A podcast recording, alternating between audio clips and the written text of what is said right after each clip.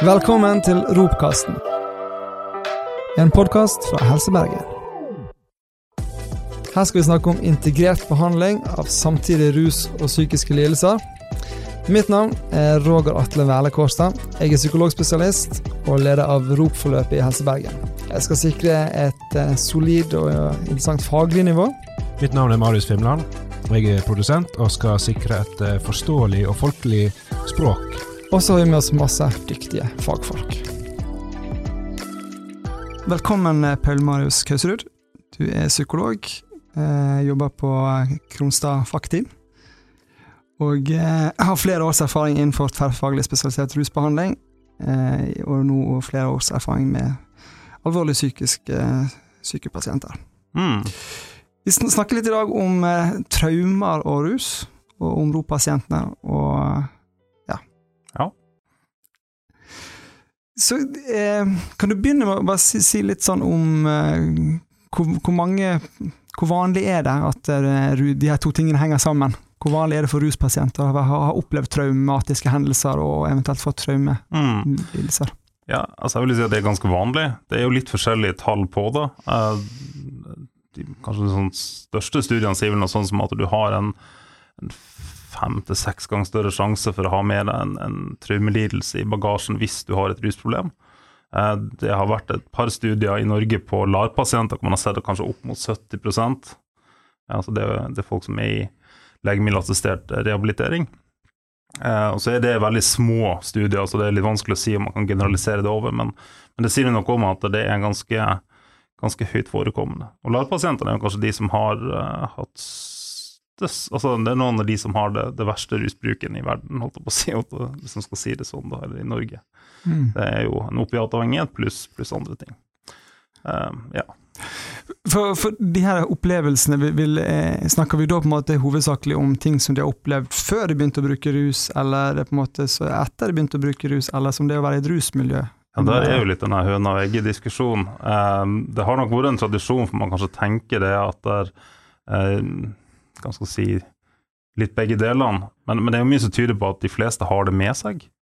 Um, og så er det jo klart at det å være i et rusmiljø, eller det å ha et rusproblem og utsette seg sjøl for si, svekka dømmekraft, være overstadig berusa, um, øker risikoen for å havne i situasjoner hvor man blir utsatt for ting som er traumatiserende. Om det er vold eller seksuelle overgrep eller ulykke, ikke sant. Mm. Uh, eller ugreie relasjoner. For, for, det å oppleve det, måte, vanskelige, ugreie ting, det, det er vel eh, enda mer vanlig på en måte enn de som har mm. lidelser. Og så er det vel noe med at jo flere sånne hendelser du har opplevd, jo større mm. risiko er det vel kanskje for å få lidelsene. Ja, så Heldigvis er det jo ikke sånn at det å oppleve på en måte ugreie ting eller traumatiske hendelser fører til en, en traumelidelse. Eh, hvis man ser på noen sånne studier som kanskje viser at sånn, ja, en tredjedel av, av, eh, av befolkningen i Norge har for opplevd eller rapporterer om vold fra foreldre. Det er jo klart, Kan man regne som vold, kan det være så mangt. Men en eller annen form for vold, eller det å bli utsatt for vold i voksen alder, er jo rundt en tredjedel òg. Um, det med f.eks. veldig mange kvinner, sånn 9-10% opplever å ha blitt voldtatt en gang i livet. Det er ganske høye tall. Uh, og hvis man liksom da tar med ulykker og den type ting som kanskje folk vil oppleve i løpet av livet, så, så, kan man jo spørre seg hvor mange som kommer til å, å ha med seg en traumatisk hendelse i løpet av, av et liv. Mm. Og så er jo de som får en traumelidelse, ganske mye mindre. Det som jeg har tall på, er jo PTSD, og der ser det ut til at rundt ja, 4,3% av kvinner har det, og 1,4% av menn. Og så er det jo de andre på en måte sånn komplekse traumer og den type ting, kanskje ikke tatt med akkurat i den. Eh, eller dissosiasjonslidelser, men ja. ja. Da, da, der nevnte du noen begrep som kanskje ja. er kjent for noen, men kanskje ikke kjent for så mange. Du, du sa PTSD, og så kompleks eh, traumelidelse ja. og dissosiasjon. Kan du si litt mer om hva de ulike tingene er for noe? For ja, altså Posttraumatisk stressyndrom er vel kanskje den vanligste traumelidelsen som vi har. Det er ofte, sånn, ofte forbundet med liksom traumatisk hendelse, men det kan også være med, med flere. Eh, det kan være en ulykke eller vold eller ran eller, eller den type ting. Eh, hvor man ofte opplever at i løpet av liksom, månedene som går etterpå, relativt kort tid etterpå, så begynner man å få en del symptomer som er veldig ubehagelige. Man kan få liksom sånn påtrengende minner om, at, om det som skjedde. Eh, ofte i form av sånn flashback som man plutselig liksom bare er i situasjonen igjen. Og Mange strever jo da med å faktisk skille at nå er jeg ikke der. Jeg er, det er nesten som man er i opplevelsen igjen. Eh, noen får det via mareritt eller drømmer. At man har sånn helt gjentagende mareritt hvor man er i situasjonen, som er veldig ubehagelig. Eh, de fleste som opplever PTSD, vil jo oppleve at de kan kjenne seg litt sånn følelsesmessig flat. Ting gir ikke så mye mening. Eh, de kjenner at andre mennesker begynner å bety mindre og mindre, eller at man trekker seg litt vekk. Og så er det jo også en sånn sterk unngåelse av ting som kan minne om traume. Um, F.eks. sånn uh, krigsveteraner som opplever fyrverkeri. Uh, det var jo et uh, eksempel her i Bergen hvor, hvor på brannstadion man liksom fyrte av gårde noen raketter når det kom ukrainere til Norge. og det var ganske uheldig, ikke sant. fordi at det setter i gang prosesser. Det minner om eh, granater, eksplosjoner og den type ting. Mm. Eh, som kan gjøre at man, man, setter i gang. Og mange vil jo unngå på en måte situasjoner hvor man kan oppleve ting som minner om det. Um, ja. og, og, så er det vel um det er vel litt òg at selv om man kanskje på, en måte med, på, en, på et nivå med, med av hjernen kan forstå på en måte at det her ikke er farlig, mm. så er det vel noe med at kroppen kanskje ikke helt forstår det på samme måte når man har ja, Veldig mange pasienter skjønner jo ikke helt hva som skjer. Altså det, det, kommer veldig brått og uforklarlig. De, de, prøver å ta seg sammen, de prøver å skjerpe seg, men kroppen er liksom i en sånn konstant alarmberedskap. Og det er jo en, en, en hva skal si, Hjernen husker det som har skjedd, men har ikke fortalt resten av kroppen at det er over. Mm. Så man liksom hele tida blir fanga i en sånn konstant alarmberedskap som kan settes i gang av av og til helt trivielle ting. Hva er det da rusen gjør for de som er i en sånn tilstand? Eh, for mange så handler det jo kanskje i starten om å roe litt ned på de symptomene. Altså Rusmidler, litt avhengig av hva man bruker, har jo ofte en god effekt ikke sant, på å kjenne seg rolig, eller å kanskje kjenne at jeg får litt mer aktivitet det som kan skje med mange altså Du får jo både den overaktiveringa med PTSD, hvor man liksom har angst eller blir satt ut av det minste ting, eller kanskje blir rasende. Mange har sinneproblemer. ikke sant? De, mm. de, klikker helt når de hører lyder, eller blir sint på familien, eller blir sint på omgivelsene sine. Og det er klart at Rusmidler kan jo f.eks. roe ned, så du ikke blir så sint eller du ikke blir så engstelig. Um, andre kan jo kjenne de tilbaketrekningssymptomene, at det liksom er flat. jeg har ikke livsgnist lenger, jeg, jeg, finner ikke glede i ting. Og enkelte rusmidler vekker en jo litt opp. Mm.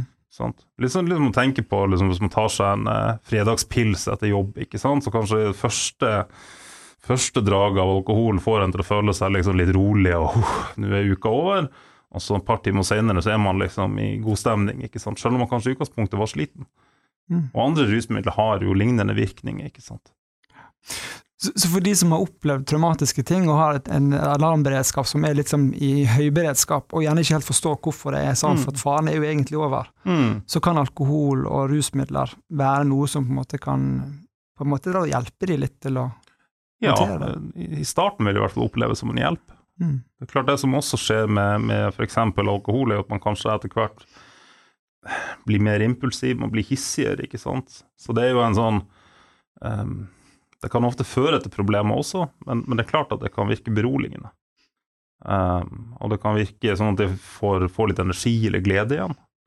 Mange vil jo si at sånn, i starten så, så hjalp det med en joint eller et glass, eller sånt, og etter hvert så begynner det å bli mer og mer problematisk, hvis det blir den eneste måten å finne å håndtere det på.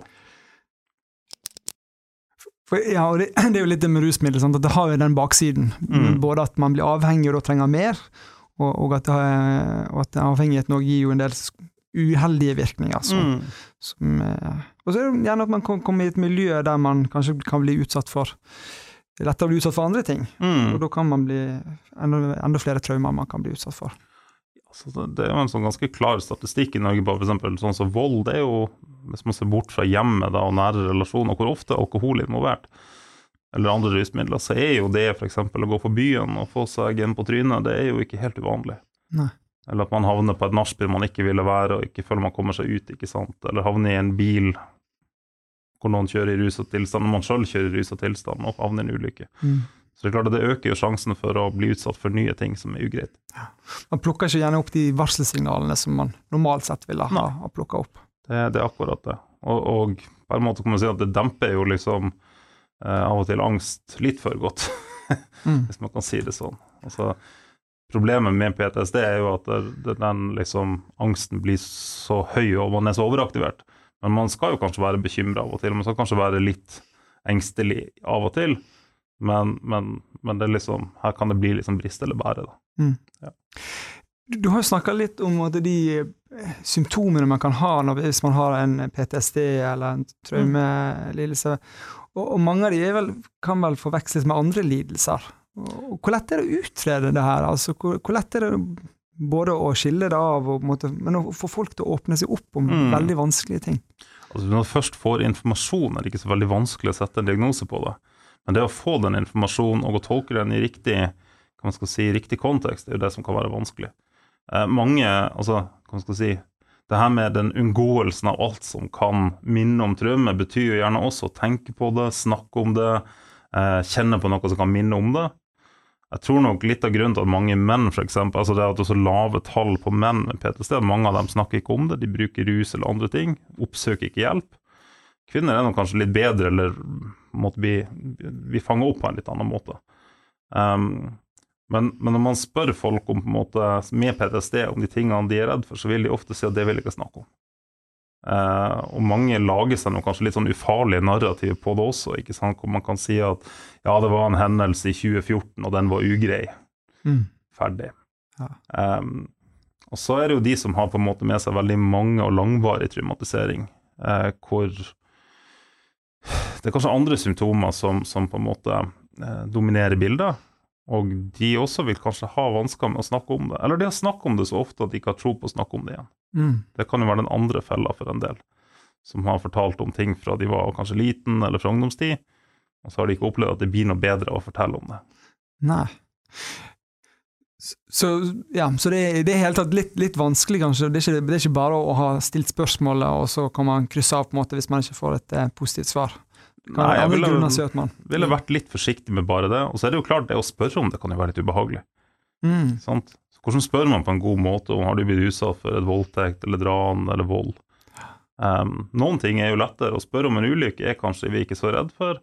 Spørre om seksuelle overgrep eller vold i hjemmet eller vold i oppvekst, det er kanskje noe vi vokter oss litt for. Mm. Vi er litt redd for. De tingene som du beskriver nå, er jo alvorlige hendelser. Mm. Eh, kan traume i den sammenhengen her oppstå fra mindre alvorlige ting? Altså er det vanskelig å oppdage hva en sånn traumediagnose kommer fra? Altså det, det, det, man kan si der, er at liksom sånn, diagnosen i seg selv lager litt problemer i forhold til det. Liksom, for Den sier at det skal være liksom svært alvorlig, alvorlige ting. Eh, men, men, så er nok folk altså folk er forskjellige, og hva som oppleves som det er Et element i PTSD og, og den her med, med, at man opplever en alvorlig hendelse, er også at det skal være på en måte en, en, en uh, situasjon hvor man følte intens frykt eller hjelpeløshet. Og, og, kanskje noe av det som, som mange som har opplevd traumer, kan, kan, beskrive om, er denne følelsen av hjelpeløshet. Hvis man føler at man har valg eller kan gjøre ting eller kan komme vekk, så er det mange som ikke kanskje opplever å få traumer. Uh, og jeg lurer på om det er kanskje det som skiller på en måte av og til de som får traumelidelser, og de andre. Det er sikkert noe genetikk og alt sånt òg, men, men altså rett og slett følelsen av kontroll. Det at jeg hadde en agens eller hadde noe jeg kunne gjøre eller kunne påvirke min egen situasjon. Mm. Så jeg tror nok at man kan få traumer litt mindre eh, objektivt alvorlige ting òg. Eh, det kommer jo an på hva man mener med det, ikke sant. Um, mange opplever jo traumer fra mobbing, ikke sant? og der kan man jo selvfølgelig si at alvorlig mobbing er veldig lett å si at det er alvorlig. Men så har du den småertinga, eller det der hele tida vite at man ikke er trygg. Tenk at det kan i hvert fall påvirke til å få noen av de lignende symptomene. Mm. Så det vil si at det, er ikke alltid så lett bare å, å, vite hva man har blitt utsatt for, men det handler om egentlig hvordan man har opplevd å, eh, opplevd det man har blitt utsatt for. Mm. Ja, og, og, den hva man skal si, hvor ukontrollerbare symptomene er. De fleste som har opplevd ugreie ting, tenker jo på det og syns det kan være ubehagelig. Men man tåler det, eller man tør å tenke på det, og man kan kanskje velge litt mer etter hvert. i hvert fall man tenker på det. Veldig vanlig er jo at den første uka etter en ulykke for eksempel, så vil man kanskje ha litt problemer med å legge det fra seg, men etter hvert så blir det en integrert hendelse som man kan snakke om, eller tåle på en måte ha, selv om det fortsatt er ubehagelig. Og Da er det ikke nødvendigvis en, en traumelidelse, men det har vært kanskje en traumatisk hendelse som du, du klarer å forholde deg til. Mm. Kan du si litt om det her med behandling? Altså, du, du er jo litt innpå det, men når man skal behandle de her traumelidelsene, hva er det, hvordan er det man går fram da? Du Mm. nevnte jo litt at det å snakke om det kanskje ikke er bare det som er løsningen, men, men hva er det som må til for å behandle? tenker, Det å snakke om det har jo kanskje litt med hvordan man snakker om det også. For at hvis det bare blir den uh, en sånn narrativ, ikke sant? som at ja, ja, det var nå- noe vold hjemme, men sånn var det i mange familier. ikke sant? Det er en veldig ufarlig måte kanskje å snakke om det på, hvor man egentlig ikke kjenner så mye på ting. Eh, mange har nok lært seg også at det, det her er ikke noe vi snakker om, eller du må ta deg sammen, eller du må skjerpe deg, eller ikke tenk på det, du er svak. ikke sant? Um, så når vi skal behandle det, så, så tenker jeg at det første som er viktig når man liksom, Først er det selvfølgelig å få utreda litt før det og kartlegge, men, men mange har jo blitt kartlagt til døde. Så, så det jeg tenker det aller viktigste, og som jeg alltid begynner med, det er god psykoedukasjon. Hva er traume, hvordan påvirker det hjernen vår? Det er en del både kroppslige på en måte, aktiveringssymptomer og si, hvordan hjernen vår funker, som kan forklare veldig godt hvorfor det oppstår. Det er jo en beskyttelsesmekanisme originalt sett, på en måte, det her. Um, og det å få god informasjon om hva det er Ofte må vi gjenta det, folk husker ikke eller har glemt det, men, men jeg har opplevd at det faktisk har fått noen til å si, nesten bli kvitt symptomene. For da vet jeg at det ikke er farlig. Det gir mening. Da kan jeg sette det inn i system. Eh, og så er det jo ikke sånn at psykoedukasjon i seg sjøl løser problemet for de fleste. Eh, litt avhengig av situasjonen så er det jo en del sånne stabiliseringsteknikker man kan bruke. Altså lære seg å på en måte roe ned kropp, roe ned tanker. Kanskje til og med distrahere seg litt, ikke sant. Litt avhengig av hva det er man, man har. Um, sånn at man, man, får på en måte lære seg at de her følelsene ikke er så farlige. De er ubehagelige, men jeg dør ikke, eller ingenting skjer. Um, det gjør jo at det, altså det er jo en hva skal si, Stabiliseringsteknikker kan gjøre at folk tør å ta litt tak i det. For da får man faktisk en opplevelse at du har et verktøy. Um, og så er det jo sånn at veld, Og det funker veldig ofte godt på PTSD. Den type, uh, den type um, stabiliseringsteknikk. Modern Bal har jo lagd denne boka 'Tilbake til nåtid', som er en veldig god manual for stabilisering og, og håndtere det. Og så er det jo sånn at en god del folk trenger eh, mer sånn traumespesifikk behandling. I forhold til Som, som på en måte f.eks. kognitiv terapi, traumespesifikk eh, kognitiv terapi, EMDR, altså sånn øyebevegelses-desensitivisering. Uh, det er vel kanskje den som har best evidens på å funke, selv om det er ganske sånn close race der. Mm. Um, og så kommer det jo litt an på hva man har ellers i livet òg. Klart Jo mer ustabil situasjonen rundt er, jo vanskeligere er det jo også å liksom dedikere seg til å jobbe med det. For det man ber, ber om i behandling, er jo egentlig at der, du skal ikke bare snakke om det, du skal tørre å kjenne på de tingene, du skal tørre å kjenne på de kroppslige fenomenene. ikke sant? Du kjenner på det knyter seg i magen. For mange så er det liksom der de takker farvel. Mm. Nå, er, nå skal ikke vi kjenne mer på det her, nå er det over. Eh, så for mange så har det jo blitt sånn at på kroppslige symptomer seg sjøl er en sånn varselskudd på at nå kommer det en følelse som jeg ikke vil ha. Mm. Det her, det her Nei. Bort med det. Ja. Eh, Så, så, så hvis jeg forstår det riktig, så er det at det, at det å snakke om det kan jo være effektivt, hvis, men for de som har traumer, så er det ofte at de stenger sånn av. De, Mm. de, de, de kjenner ikke på det på en måte som de vanligvis ville ha Mm. kjent på. De har utvikla en litt sånn uh, måte å stenge av på, mm. som gjør på en måte at det å bare det å snakke om det på en måte ikke er nok, og da må man til med andre ting, og det med psykoedukasjon og Mm. spesifikke tilnærminger. Ja. Kan du si litt om eh, litt sånn psykoedukasjon, litt sånn opplæring? altså Hvilken type Er det noen modeller som man kan bruke for å forstå? Ja, du kan bruke flere. Jeg bruker jo det heftet, holdt jeg på å si, eller den der um, Det er vel RVTS som har lagd den. den. eh, Det er rett og slett en sånn eh, manuell slide, holdt jeg på å si, hvor man, man bruker forskjellige sider og viser liksom sånn, sånn her funker hjernen. Dette er de områdene i hjernen som har på en måte oppgave å passe på deg, tolke signaler rundt, sånn som sånn, amygdala og den type ting, som ja, kroppens røykvarsler som sier fra når det er skummelt, ikke sant? Og at hvis alt går som det skal i livet, så, så har du kanskje en røykvarsel som kun sier fra når det faktisk brenner, men hvis du blir utsatt for veldig mange ting som er ugreie, så går kanskje røykvarselen av veldig ofte. Røykvarsler med dårlig batteri, på en måte. De er ikke så mye verdt. De, de begynner å gå hele tiden. Da, hele tiden. da tar man bare batteriet ut, og så Ja, Ja. det kan man jo ikke gjøre med, med traumer, da. Um, så det jo også det å lære seg på en måte naturlige reaksjoner ikke sant, på fare som man ikke kan slippe unna. Um, vi, kan, vi skiller f.eks. mellom sinne og angst. ikke sant, som Sinne motiverer til angrep. ikke sant, Mer rasende, nå knuser er trynet ditt, nå slutter du. ikke sant. Det kan være en bra følelse å ha i liksom moderate mengder, for den grensesettende følelsen. Den sier at nå er det nok. Men den kan bli litt uh, vill ikke sant, når barnebursdagen skremmer livet av deg, og du, du klikker. ikke sant. Uh, og så har du det med frykt, ikke sant, som er en sånn følelse som motiveres til å komme oss vekk. Stikke av. Nå er det farlig. Um, også en veldig nyttig følelse når det er fare på ferde, men, men, når du liksom stikker fra kinoen fordi at det blir for mye, da er det ugreit. Og så har du de andre som er mindre kjent, det her med frys og frysespons. Man fryser litt fast. Blir bare sittende der. Det kan jo en del pasienter si noe om. at der, Nei, jeg ble bare sittende der som en idiot. klarte ikke si noe, klarte ikke bevege meg, så jeg bare sluttet å gå på ting. Sånt.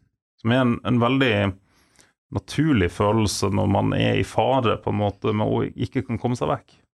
Og Det er jo kanskje der vi kommer til det her med kontroll. ikke sant? At der, så man opplever at det her bare skjedde med meg. og det er ingen agens eller uh, mulighet til å komme vekk. Så lærer kroppen seg at det er kanskje lurt å fryse. Et eksempel der kan jo være som man vokser opp med mye vold. ikke sant? At det å på en måte sitte veldig rolig i båten, det er ganske smart. Hvis ikke så får man, får man juling. Uh, men det hjelper deg veldig lite når du blir voksen. Mm. Ja. Hvis man er utsatt for f.eks. For, en voldtekt, eller sånn, mm. så, så, vil jo man kanskje kjempe imot, og så vil man kanskje fryse, men så, til slutt så vil jo man kanskje Eller mange opplever at de gir etter. Mm. Ja. Opplever skyld, kanskje, for at de ikke kjemper mot mer. Det kan de også gjøre. Og det er klart, en annen reaksjon kan jo være at man liksom forsvinner litt ut av kroppen. Det er det mange som kan oppleve. Nå kommer jeg meg ikke vekk, så nå må liksom bare Nå kjenner vi ikke etter. kroppen skiller litt lag. ikke sant? Man, man uh, kjenner ikke smerte, man, man, er på en måte til stede, men man er ikke til stede. Mm. Det er jo en, også en, en sånn si, smart måte egentlig for kroppen å reagere på når nå blir det smerte, men vi får ikke gjort noe. Um, og så er det jo det her med, med skyldfølelse som er en ganske vanlig skam. ikke sant? Jeg burde ha gjort noe annerledes, jeg burde ha gjort sånn og sånn. Um, og så glemmer man kanskje litt i den si, å sette det litt inn i kontekst. ikke sant? Ofte har man ikke andre valg. Pluss at av og til så tar kroppen avgjørelser for oss uten at vi egentlig bevisst velger. For det, de systemene her, de er altså kan man si flukt, kamp, frys de, de er ganske automatiske systemer. Kanskje man til en grad kan trene dem opp, sånn som man gjør f.eks. i militær eller politi, men man har nå den responsen man har, og, og, kroppen tar den, og hjernen tar den avgjørelsen for deg, mm. uten at du egentlig har så mye valg i hva som skjer. Så vi er jo veldig glad i alle sammen og tenker at hvis det hadde kommet en terrorist, så hadde jeg tatt han. I praksis hadde hjernen bestemt for deg. for de fleste. Ja. Vi ønsker gjerne å være litt sånn sjef og, og ha litt sånn kontroll på oss sjøl, men uh, blir jo lett når vi er utsatt for de ekstreme ting nok, mm. så tar kroppen over. Og det er kanskje litt, sånn, ikke helt lett å forstå. Og i hvert fall ikke hvis det er en veldig hendelse man helst ikke skulle vært i. Det det er, et veldig, veldig godt poeng, det. Og det er jo derfor vi bruker mye tid på psykoedukasjon. Lære seg litt det. ikke sant? Også fordi at senere når man skal jobbe med, med de her skamfølelsene f.eks. som mange sitter med, eh, mm. uh, og, og, faktisk kunne være litt grei med seg sjøl, at det her var jo ikke noe du valgte. Du valgte jo ikke å bli redd eller ikke kunne slåss tilbake, eller om du nå slåss, er det ikke sikkert du valgte det heller, ikke sant. Um. Kan du si litt om det med toleransevinduet, og, ja. og hvordan eh, det kan være en sånn modell for å forstå? Ja. Det er jo den neste delen i, i denne uh, psykoedukasjonen. Toleransevinduet er jo en sånn begrep vi bruker. Man kan tenke seg at det er som en form for vindu. ikke sant? Kan man si at Så lenge du er innenfor de rammene av det vinduet, så, så, kan du liksom kjenne på ting, du kan tenke, og du kan agere. Så du kan være kjempesint, ikke sant, men for eksempel, eller veldig redd, men du, du klarer fort å si at nå blir jeg her, eller fader eller nå blir det bare sånn. Jeg, jeg, skal ikke si noe. Du klarer å agere og tenker du har valg. Eh, men hvis man liksom går utafor det toleransevinduet, så har du liksom opp og ned, som vi bruker da. Den ene er, er oppover, som vi kaller altså en sånn hyperaktivering, hvor man rett og slett liksom kroppen ofte på en måte setter i gang i sånn blodpumpa begynner å slå, og, og musklene strammer seg, og adrenalinet kommer på, hvor, hvor, man ofte får denne fight or flight. Altså den her Enten så skal jeg slåss, det er ikke så mange som gjør det, men en del. De kan bli rasende sinte, ikke sant, eller uh, kaste ting, eller ja, true. Og, og, andre kan liksom få den der fluktfølelsen, bare komme vekk. Sånn, stikk. La liksom alt stå igjen på stolen og går. Um, og da er man stort sett altså rett og slett utafor det toleransevinduet. Man klarer ikke helt å kontrollere det. Hvis man er sint, men klarer å tenke, så er man stort sett innafor toleransevinduet. Mm. Men det er når man mister den kontrollen at nå- klarer ikke jeg å tenke og velge mine handlinger, holdt jeg på å si. Mm. Um, ja. Er, er det noe, er det her, det er det noe som bare gjelder de som har vært utsatt for traumer, eller er det noe som gjelder på en måte for Det gjelder for oss alle. Ja. Det gjelder for alle. Um, vi har alle toleransevindu, og det, det å liksom gå gjennom livet uten å komme i hvert fall over toleransevinduet, tror jeg nok ganske mange kjenner på. Um, den andre biten med den underaktivering, hvor man liksom fryser fast, og sånn, det er ikke sikkert det er så vanlig, men alle har nok kanskje kjent litt av og til man blir litt sånn maktesløs, eller litt sånn «Åh, Mm. Det her orker jeg ikke. Og da er man kanskje litt utafor det toleransevinduet. Man kjenner at nå- gir jeg av kampen. tenker Mange med unger har kanskje opplevd ikke sant, man blir forbanna og kanskje klikker litt mer enn man har tenkt, eller av og til bare synker sammen på sofaen, og nå får det bare bli sånn her, jeg orker ikke mer. Jeg orker ikke krangel. Kanskje kjenner meg igjen i det her. Jeg vet ikke, Marius, kan du? Helt fremmed. Og det er jo et sånt typisk eksempel hvor vi er utafor toleransevinduet.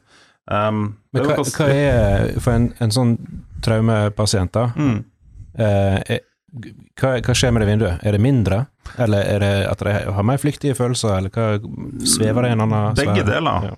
Sånn, for det første så blir jo ofte vinduet vårt smalere. Det er jo sånn gammel uttrykk som sier at motgang gjør deg sterkere, og det er jo mye tull.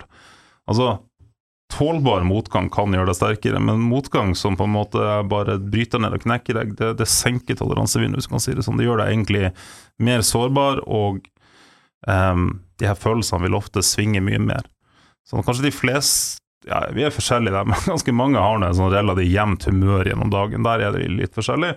Mens hvis man har et smalt toleransevindu, så vil jo følelsene gå veldig fort opp og ned.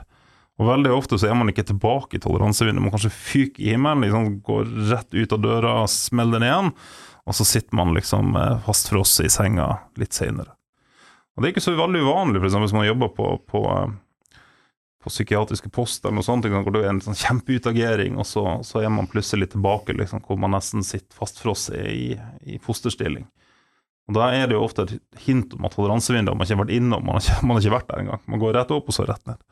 Mm. Eh, for noen så er det sånn at de nesten aldri er innom toleransevinduet. De kan oppleve en sånn tilstand av ja, enten så er jeg forbanna, eller så er jeg deprimert. jeg, jeg kjenner ikke at jeg er på en måte sjef i eget liv, det er bare følelsen tar meg. Så da gjetter jeg at uh, rusen hjelper til å åpne opp igjen det vinduet, eller at det forstørrer det, for at det er det som er målet her, å få Ja, komme seg inn igjen i den normaltilstanden. Jeg tenker at rus har liksom to funksjoner. Den ene er jo at det liksom kanskje til og med øker toleransevinduet litt, muligens.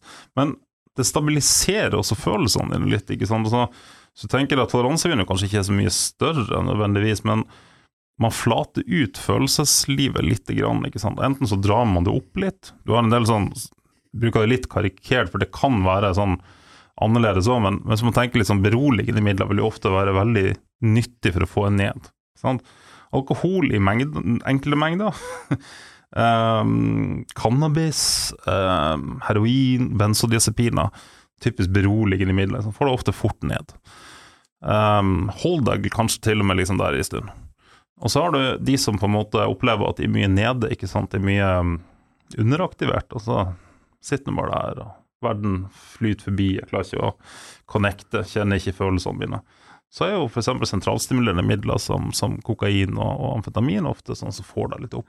Men det kan være motsatt òg, altså du kan jo få den effekten av beroligende midler for noen. Så der er du inne på at i forhold til at de som har de her plagene og opplever det med å være ha et lite toleransevindu og være ute og opp og ned, Mm. eh, at rus kan være en måte da å regulere deg på, eller på en måte gjøre det mer håndelig å være her. Ja. Men hvordan vil du si at det kan, hvordan vil dette påvirke behandling?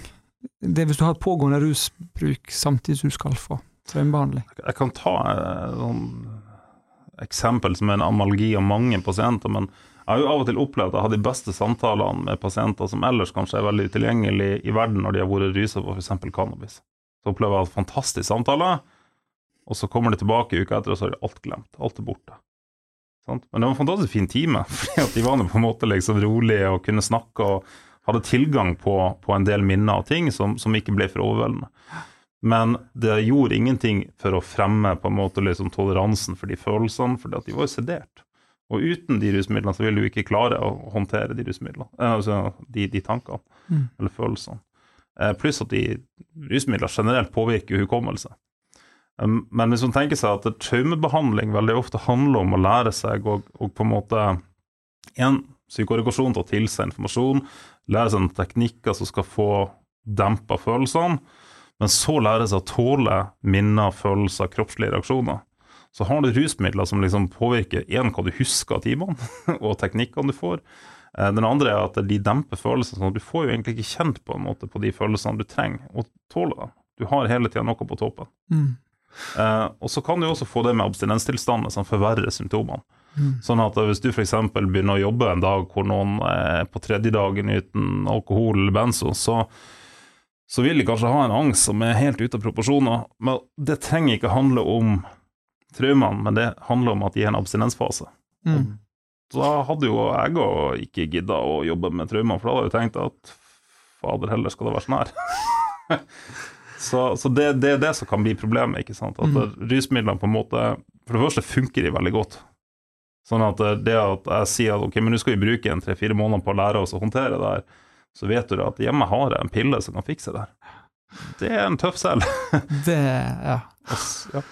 Så, så, så, da vil si at i behandling så vil du, eh, selv om du går inn i traumene og, og, og kjenner på det og gjør egentlig de spesifikke eh, metodene, så vil du ikke få den samme effekten hvis jeg bruker rusmiddel samtidig, for at det vil dempe det litt, eller det vil ikke Ja, det er jo egentlig så enkelt, eller det vil kanskje roe ned kroppen din, ikke sant. Og mm.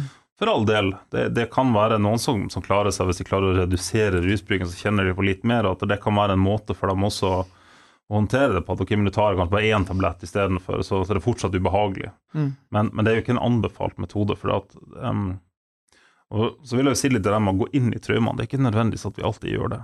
Men, men, det å tåle at de her følelsene f.eks. minner meg på traume, og de kan jeg tåle, det er jo ofte en første start. Eksempel. ja. Så det å jobbe med, med å redusere grad av hva man unngår, og hva man ikke mm at livet kan bli litt rikere, eller på en måte at man mm. kan ha et bedre liv, selv om man ikke nødvendigvis trenger å gå inn i alle hendelsene. Det er ikke alle man kommer dit, eller som har ønsker eller behov for det. Um, det er nok noen som gjør det. Altså, hvis du tenker sånn Modum Bad sin sånn trefasemodell, så har du den med stabilisering, og så bearbeiding, og så reintegrering eller noe sånt. Så har jeg til gode å møte noen som driver med reintegreringa. Men de har lært seg å leve med det på en måte, og ikke være redd for det. ikke sant? Og mm. Da er mye gjort, egentlig. Det er jo ikke sånn at man skal måtte sitte og tenke på traumene hver dag, men man må kunne håndtere det som oppstår. Og så er jo kanskje litt det som, som vi har vært inne på, at en del av de tingene som folk kan bli redd for etter hvert, eller kroppen blir redd for, er jo ikke direkte knyttet til traumene, men det er sånn sekundær på en måte Bare jeg kjenner på vondt i magen, så får jeg behov for å ruse meg, for da vet jeg at det kan jo være symptom på at jeg begynner å tenke på det her. Det har jo lyst belyst godt at, eh, altså at rus demper mange av de plagsomme symptomene ved traumer. Eh, hva skjer med en, traum, en som har masse traumer i bagasjen, og som får rusbehandling og ikke har det verktøyet lenger? Det er jo ikke så helt uvanlig. Altså, som vi snakka litt, litt, om. Det er jo med at f.eks. hvis du har noen som kun har en rusavhengighet, og det er jo kanskje de fleste, det. Uh, i, i, rusbehandling så har de kanskje bare det med seg. på en måte, ikke sant? De har ikke nødvendigvis en traumelidelse. Og mange av de vil jo oppleve at når jeg slutter å drikke eller jeg slutter å røyke hasj, eller så blir verden litt lysere, litt grønnere, når, når liksom ting har roa seg litt ned, og angsten blir litt bedre, og depresjonen blir bedre, og får et bedre forhold til andre rundt meg. Det er jo ikke så uvanlig i rusbehandling. Ting, man får fokus vekk fra rus. Men som er mange med traumeproblematikk, så blir egentlig symptomene verre når rusen forsvinner. Og så opplever de f.eks. enten det at forholdet til andre blir enda skumlere, jeg tør ikke snakke med andre, jeg blir rasende på familien min, um, jeg unngår alt, eller depresjon blir verre. ikke sant? Uh, og det er jo rett og slett fordi man har fjerna på en måte liksom en mestringsstrategi som de kanskje hadde. Uh, har man flere mestringsstrategier, så trenger jo ikke det skje. Men for mange så er jo kanskje rusen den fremste mestringsstrategien de har hatt. Og da beskytter han fordi de er veldig ung for mange. Um, og da er det ganske tøft å skulle stå i videre behandling. Og i hvert fall hvis det på en måte da blir tolka som at du har russug, eller du ikke er motivert, eller hvis du går på en sprekk, da så får alle bekreftet at nå er du kasta rett ut herfra, for du har ingenting å gjøre her, så du er ikke motivert. Mm. Så handler det kanskje om helt andre ting. ikke sant? De kan være motivert for å være rusfrie, men de er også ganske motiverende for å ikke kjenne på traumesymptomene. Jeg tenker Det der må jo være ganske viktig å være klar over. Sant? Det er vel ikke alltid man vet alltid hva traumer eller hva bagasje pasienten har, og da kan det vel være lett at man misforstår, eller at man mm. Jeg tenker Den ene biten er jo at noen har jo kanskje, som jeg sa tidligere, ikke sånn veldig tilgang til de traumene, eller ikke helt satt inn at det faktisk var en traume. ikke sant? Så Man tenker at sånn her skjedde det vel med alle, eller det her er på en måte noe jeg må takle. ikke sant? Eh, det andre er jo at hvis man ikke vet om det, så er det jo lett å tenke at du er umotivert, du er ikke engasjert. ikke sant? Um, og det gjør jo noe med oss som behandlere, ikke sant, hvis vi tenker sånn. Um, Annen ting som jeg har tenkt litt på, det er jo det med den der um, konfronterende stil man av og til har i forhold til folk med rusproblematikk. Og nå må du skjerpe deg, nå må du ta deg sammen, nå må du slutte å drikke, nå er jeg så lei. For en med traumebagasje så kan det være ganske heftig å bli møtt med en sånn type sinne eller irritasjon. Selv om det kanskje er berettiget på mange måter, så vil det nesten utelukkende sette i gang det alarmsystemet. ikke sant? Og så er du i gang igjen. Um, så, så, det er jo en litt sånn Det der med å liksom føle at man blir straffa eller kjefta på, det, det, kan sette i gang en del for en del med, med traumeproblematikk. ja. Jeg anbefaler jo ikke det som en strategi for de fleste uansett, men Nei, men det, er vel kanskje vanskelig, og kanskje spesielt for, for de som er nære i familie og på en måte bryr seg Mm. om veldig, at det, det er vanskelig å kanskje ikke Det veldig bli bekymra og sint når, eh, ja. når man har sånne problemer. Så tenker jeg kanskje i hvert fall for oss som behandlere at det er litt viktig. For det skjer jo av og til hos oss òg, ikke sant. Mm. At vi kan bli litt sånn Nå må vi, må vi sette hardt mot hardt, eller Og det, det kan være en helt grei ting å gjøre, men man må være litt obs på hva er det vi, vi har i bagasjen med oss når vi, når vi gjør sånn, og hva den andre har i bagasjen med seg. Mm. Um, og så i forhold til, til, til den type behandling eh, så, så som sagt, mange har jo snakka om det mange ganger, og de har ingen motivasjon for å ha sagt det så mange ganger. Og med de tenker jeg at det er ekstremt viktig at man ikke begynner med en ny utredning, så man vet at de har med seg traumebagasje. Så må man heller tilby behandling. Da må man si at ok, men da må vi jobbe med det. Mm. Ganske mange har møtt 18 utredninger, og så mister de motivasjon, eller de kommer ikke, eller de blir sparka ut av behandling, og så har man ikke kommet noe videre. Ja. Så der man ikke vet om, så er det i hvert fall veldig viktig å utrede.